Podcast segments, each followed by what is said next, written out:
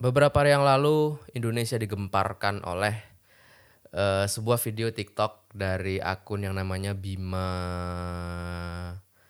Bima siapa gitu lupa gue intinya adalah dia mengkritik daerah dia yaitu daerah Lampung yang mana itu membuat pemerintah Lampung ketar ketir ketar ketir cot cot cot cot cot cot cot cot cot cot cot cot cot cot Cocot, cocot, cocot, cocot. Cocot by Besok Kerja Podcast. Oke, selamat datang kembali di Cocot, sebuah segmen di Besok Kerja Podcast di mana gue akan membahas isu-isu yang sedang hangat di masyarakat. Uh, selamat datang kembali teman-teman. Uh, mohon maaf gue off lagi selama kurang lebih dua minggu karena gue, aduh, gue nggak tahu ya betapa susahnya bikin podcast saat bulan puasa karena karena biasanya kan gue kalau take itu kalau nggak malam pagi gitu. Sedangkan malam tuh anjir abis buka puasa. Itu kalau buka puasa di rumah ya.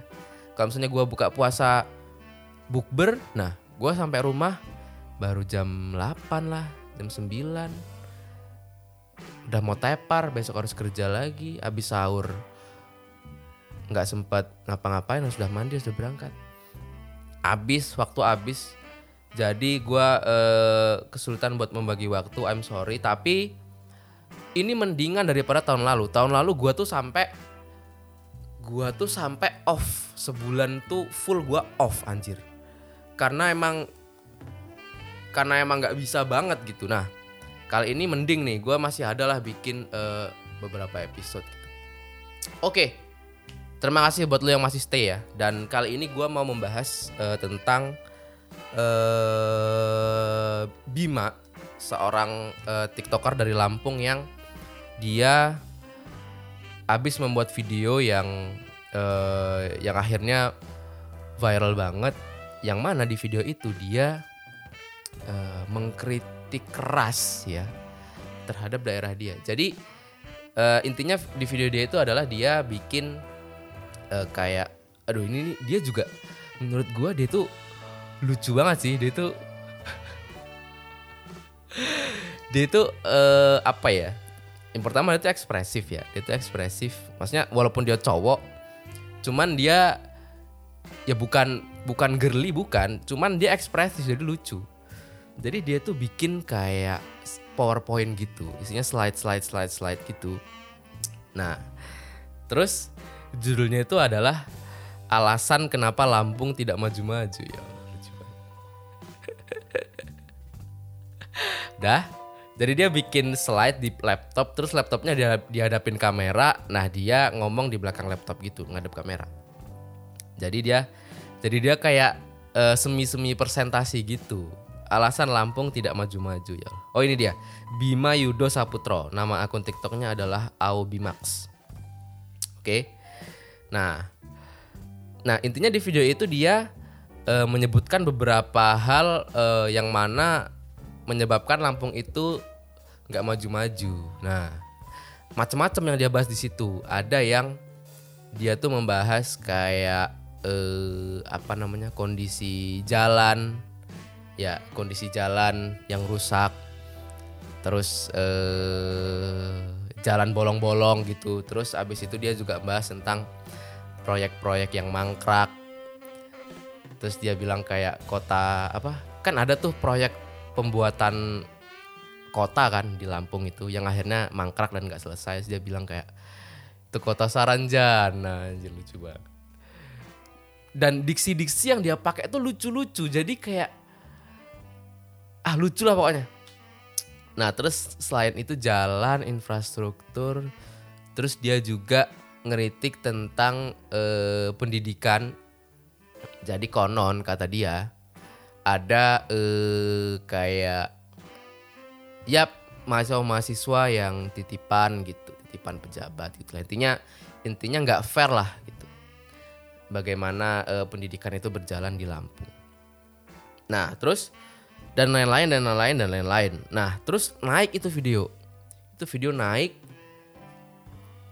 naik terus akhirnya dia itu bilang bahwa gara-gara video itu rumahnya itu didatangi oleh eh aparat gitu.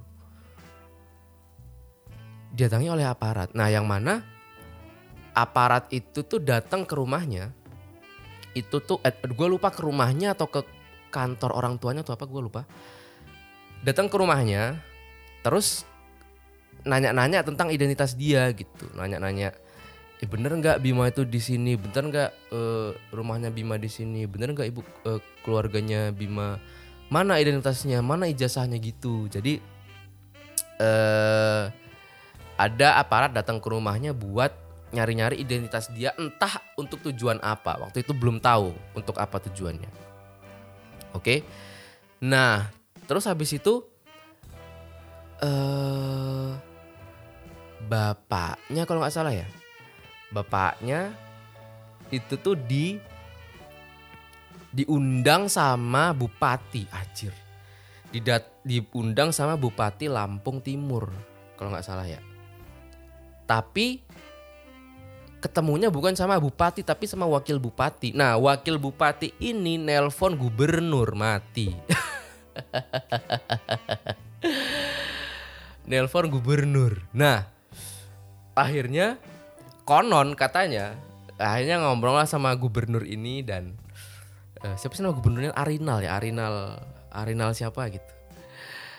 Nah terus dibilang lah bahwa eh, orang tua Bima ini tidak tidak becus mendidik anak dan apa segala macem gitu. Pokoknya mengindikasikan bahwa pemerintah ini tersinggung dengan kritikan si eh, tiktoker Bima ini. Nah, memang gua gua ngerti masalahnya di mana. Jadi eh oke, okay, dia dia nyebutin memang faktor-faktor yang membuat Lampung tidak maju-maju. Nah, masalahnya ada diksi-diksi tertentu selain diksi-diksi lucu yang tadi gua sebutkan. Dia bilang kayak eh Lampung ini daerah daerah Dajjal gitu, kayak provinsi Dajjal atau daerah Dajjal gitu.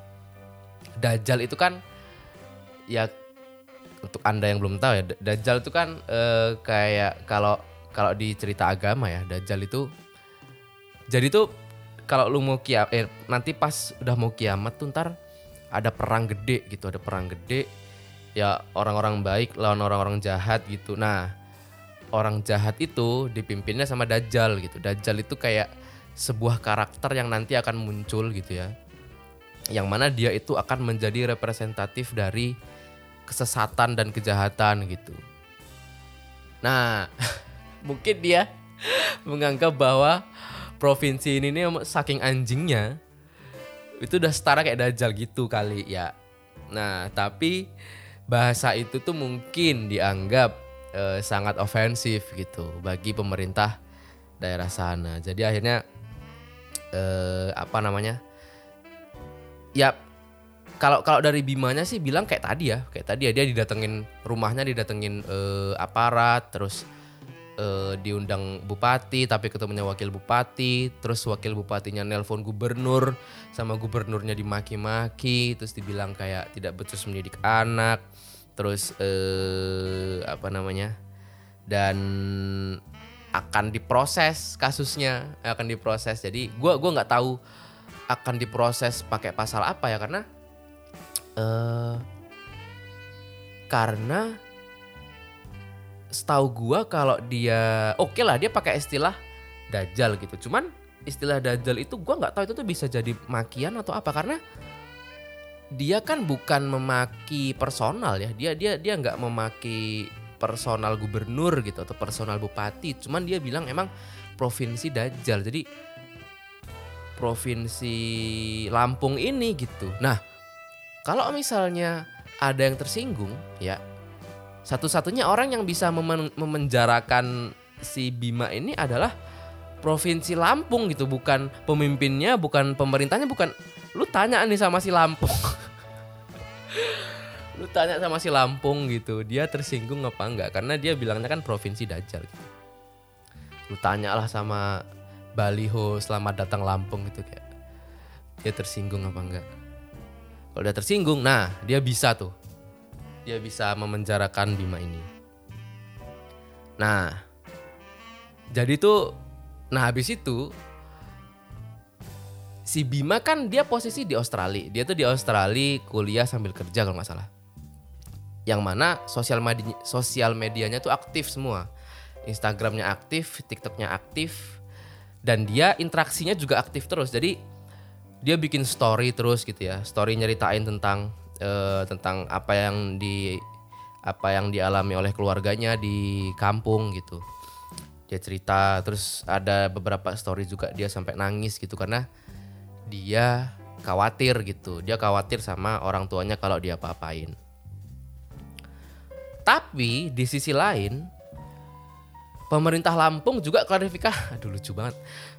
Si pemimpin-pemimpin di Lampung ini juga eh, apa namanya bikin update di akun mereka sendiri gitu. Jadi kemarin tuh kalau nggak salah gue lihat video ya. Jadi eh, ada eh, Bupati Lampung Timur apa gubernur nggak tahu gue.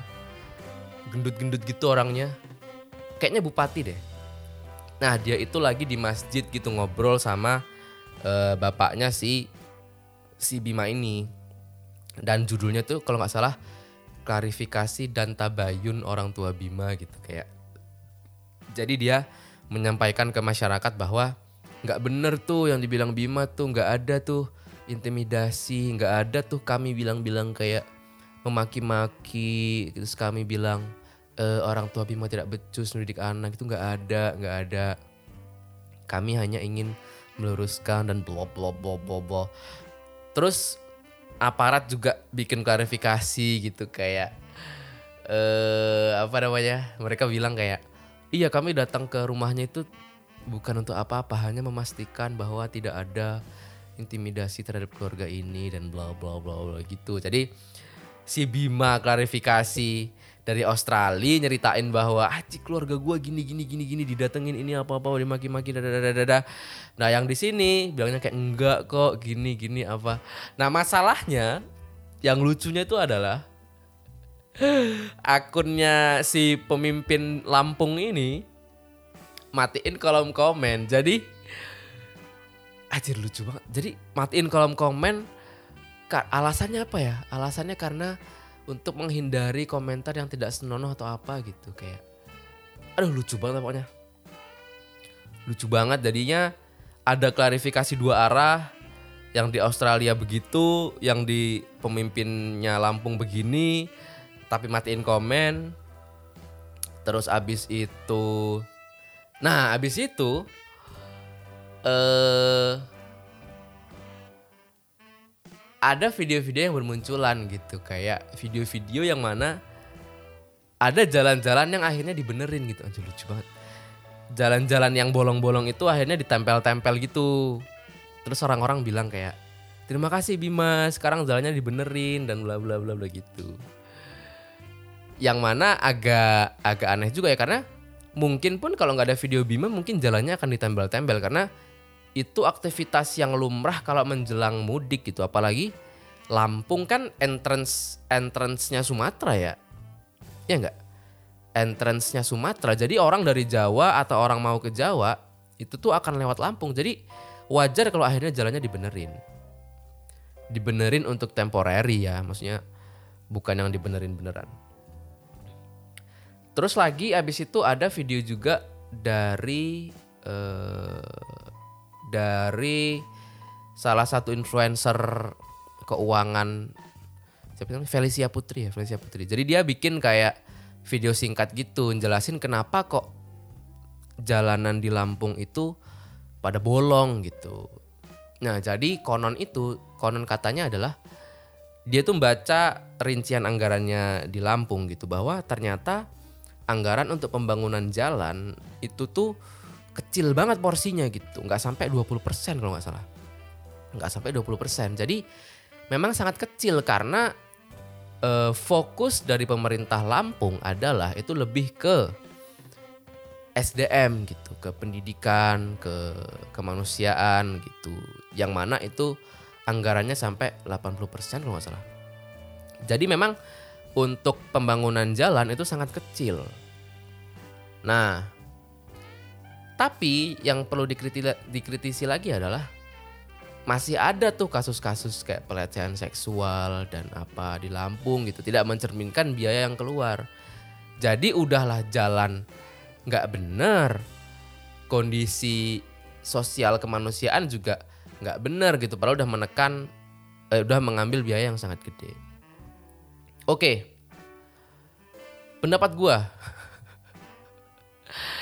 tentang kejadian ini. Jadi ini kan sebetulnya eh eh, ini nih adalah bukti nyata bahwa pemerintah kita tuh emang susah gitu kalau dihadapkan sama sama orang-orang muda gitu. Emang memang nggak ada yang lebih lucu daripada ngelihat eh, para pejabat-pejabat boomers-boomers ini itu tuh ketar ketir sama Gen Z Gen Z yang nyerang lewat sosial media gitu. nggak ada yang lebih lucu itu tuh lucu banget ngelihat mereka kebingungan ngelihat mereka ketar ketir itu tuh lucu banget dan masalahnya adalah abis itu tuh ada kayak orang-orang bilang kayak iya ini adalah waktunya anak muda untuk speak speak up dan eh, ini adalah waktunya bagi anak-anak muda untuk mengkritik dan speak up. Manfaatkanlah suara kalian untuk bersuara dan bla bla bla bla. Mari kita munculkan bima-bima lain untuk membuat daerah kalian lebih baik gitu. Kalau kata gua mah jangan. Jangan anjir. Ini si Bima, si Bima ini dia tuh untung di Australia loh. Menurut gua dia untung di Australia. Kalau dia tadi nggak di Australia, misal di Bojonegoro gitu itu tuh udah hilang kali orangnya. Udah mati nggak tahu gua. Nggak tahu gua. Menurut gua udahlah udah gak usah sok-sokan sih menurut gua. Kayak it's not worth it man. It's not it's not worth it. Kalau lu kalau lu nggak ada agenda khusus ya kalau kalau lu nggak ada agenda khusus nggak ada tujuan yang jelas menurut gua sih nggak usah sok-sokan ya. Kayak bro lu inget Munir meninggal Novel Baswedan matanya hilang satu. Siapa lagi? Aduh. Menurut gua ya gue tau lah Gen Z ini emang energinya emang lagi kenceng banget gitu kayak mereka punya HP gitu mereka punya koneksi energinya lagi kenceng banget gitu. Mereka bisa bilang apa pun di sosial media apa pun yang mereka mau. Cuman yang harus Gen Z Gen Z ini tahu adalah bahwa kita tuh nggak bisa nganggap negaranya itu kayak Amerika gitu. Di mana di mana lu bisa menghina Donald Trump semau lu ya sebrutal brutalnya dan dia biasa aja gitu. Dia dia cuman ketawa ketawa aja. Kalau lu di sini menghina presiden lu nggak tahu ya lu apa yang terjadi dengan lu gue nggak tahu. Tapi poin gue adalah iya Amerika free speech iya. Indonesia bilangnya free speech iya. Tapi prakteknya enggak gitu. Dan menurut gua kalau lu emang nggak punya tujuan yang jelas dan apa menurut gua sih menurut saya sih gak usah sok-sokan sih kalau menurut gua. Kayak ini nih untung banget Bima itu di Australia. Kalau enggak nggak tahu gua. Ngeri bro. Ngeri banget maksudnya bu- bukan kayak ya lu jalan-jalan terus ada penembak misterius bukan. Ya bisa jadi lu tuh kayak lagi berangkat kerja gitu naik motor gitu tiba-tiba lu dihajar sama truk gitu. Terus bilangnya kayak remblong atau apa padahal enggak itu kesengajaan. Kayak ya ya gue punya podcast ini gitu. I can say anything in this podcast. Cuman setiap gue bahas kayak gini atau gue bahas kayak pemerintah, politik, kepolisian gitu. Deg-degannya tuh ada gitu. Ada banget. Misalnya tiba-tiba gue kayak ditelepon gitu, nomor tidak ter- tidak dikenal gitu kayak anjing. Siapa nih anjing gitu atau atau tiba-tiba ada ada orang jualan di depan rumah cuman nggak lewat-lewat gitu kayak di depan rumah berhenti gitu kayak lihat dari jendela anjing nih kenapa nggak lewat-lewat gitu ntar gitu lewat ah jalan gitu kayak Padahal ini podcast gak ada nggak ada yang dengerin gitu, cuman deg-degan itu ada makanya menurut gua sih untuk Gen Z ya kalau kalau sekarang kampanyenya adalah eh ya bangkitlah anak-anak muda untuk mengkritik pemerintah kalian manfaatkan suara kalian di sosial media. Kalau- gua bilang sih jangan jangan dah nggak usah. Nggak usah nyari masalah nggak usah nyari gara-gara kecuali lu di luar negeri kayak si Bima ini gitu. Kalau lu masih di sini-sini aja mah jangan bro. Jangan bro. Nggak nggak worth it bro. Nggak worth it. Lu mau jadi apa? Jadi pahlawan pembangunan apa? Iya pembangunannya bagus tapi lu diincar gitu. Lu ada laser nih di kepala lu. Menurut gua sih menurut gua sih nggak usah ya. Nggak usah. Eh dan apa ya? Dan ya kalau misalnya lu emang sangat ingin untuk mengkritik gitu sangat ingin untuk menyampaikan aspirasi lu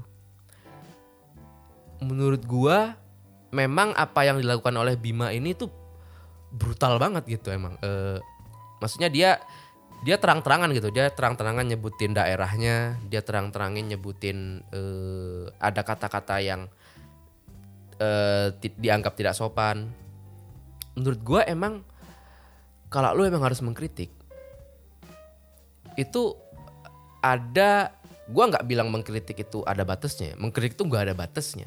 Yang ada batasnya adalah ketersinggungan pemerintah lo jadi emang harus ada tekniknya dan kita harus main cantik. Contoh misalnya nih si Bima tadi nih.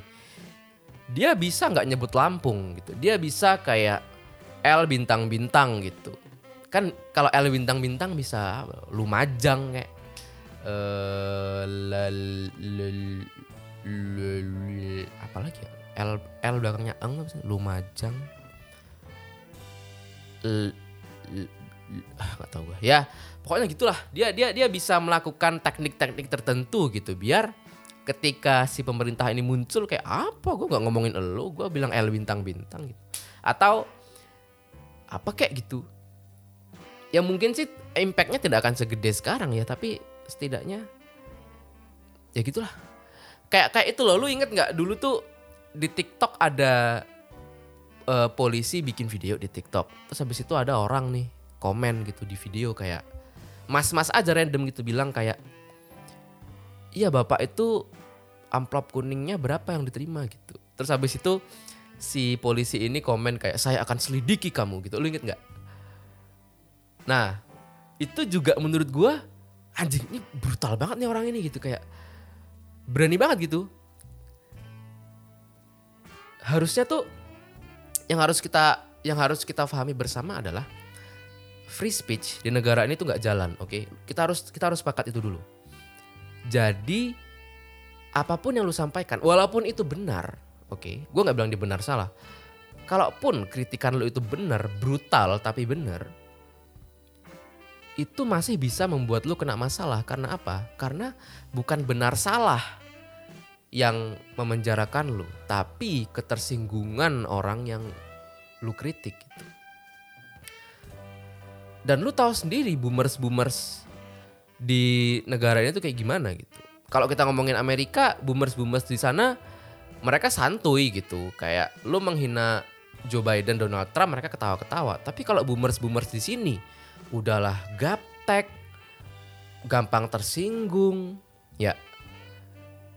Jadi menurut gua untuk Gen Z Gen Z yang lain lu silakan mengkritik silakan apa tapi lu pikir konsekuensinya gitu. Kalau lu siap sama konsekuensinya sih ya silakan. Cuman ya lu inget lah masa depan lu inget. Lu inget keluarga lu di rumah yang deg-degan anjir Emang lu kira gue bikin podcast ini orang tua gue nggak protes? Protes. Gue udah berkali-kali disuruh udahlah mas nggak usah lah bikin podcast podcast gini gini gini. Deg-degan orang tua gue juga deg-degan. Tapi ya gimana gitu. Setidaknya gue masih masih mikirin itu kata-kata gue apa ya apa apa istilah yang gue pakai dan apa segala macam. Memastikan gue nggak kenapa-kenapa orang tua nggak kenapa-kenapa. Jadi buat Gen Z Gen Z, gue tahu semangat lo berapi-api tapi tolong eh ya dipik- dipikir dikit gitu. Kayak ada filter dikit gitu. Kayak kasihan keluarga lu gitu aja sih. Kalau lu mah ya lu mah berapi-api silakan. Cuman kasihan orang tua lu gitu. Mereka sama gapteknya sama bingungnya dengan boomers boomers di pemerintahan ini gitu. Jadi emang emang udah nggak sejalan aja kita dan mereka. Jadi ya udahlah. Eh, dan buat Bima semoga lu aman di sana buat keluarga Bima juga semoga aman dan buat provinsi terkait juga daripada anda menghabiskan energi anda untuk klarifikasi klarifikasi mending habiskan energi anda untuk benerin jalan. Itu aja teman-teman buat episode kali ini. Eh, apabila ada kritik dan saran silahkan kirim email ke besokkerjapodcast@gmail.com besok kerja podcast at gmail.com atau DM ke Instagram at Fatian Pujakusuma at F A T H I A N Pujakusuma Sampai jumpa di episode selanjutnya. Fatih Hafiz signing out. Bye-bye. Yap.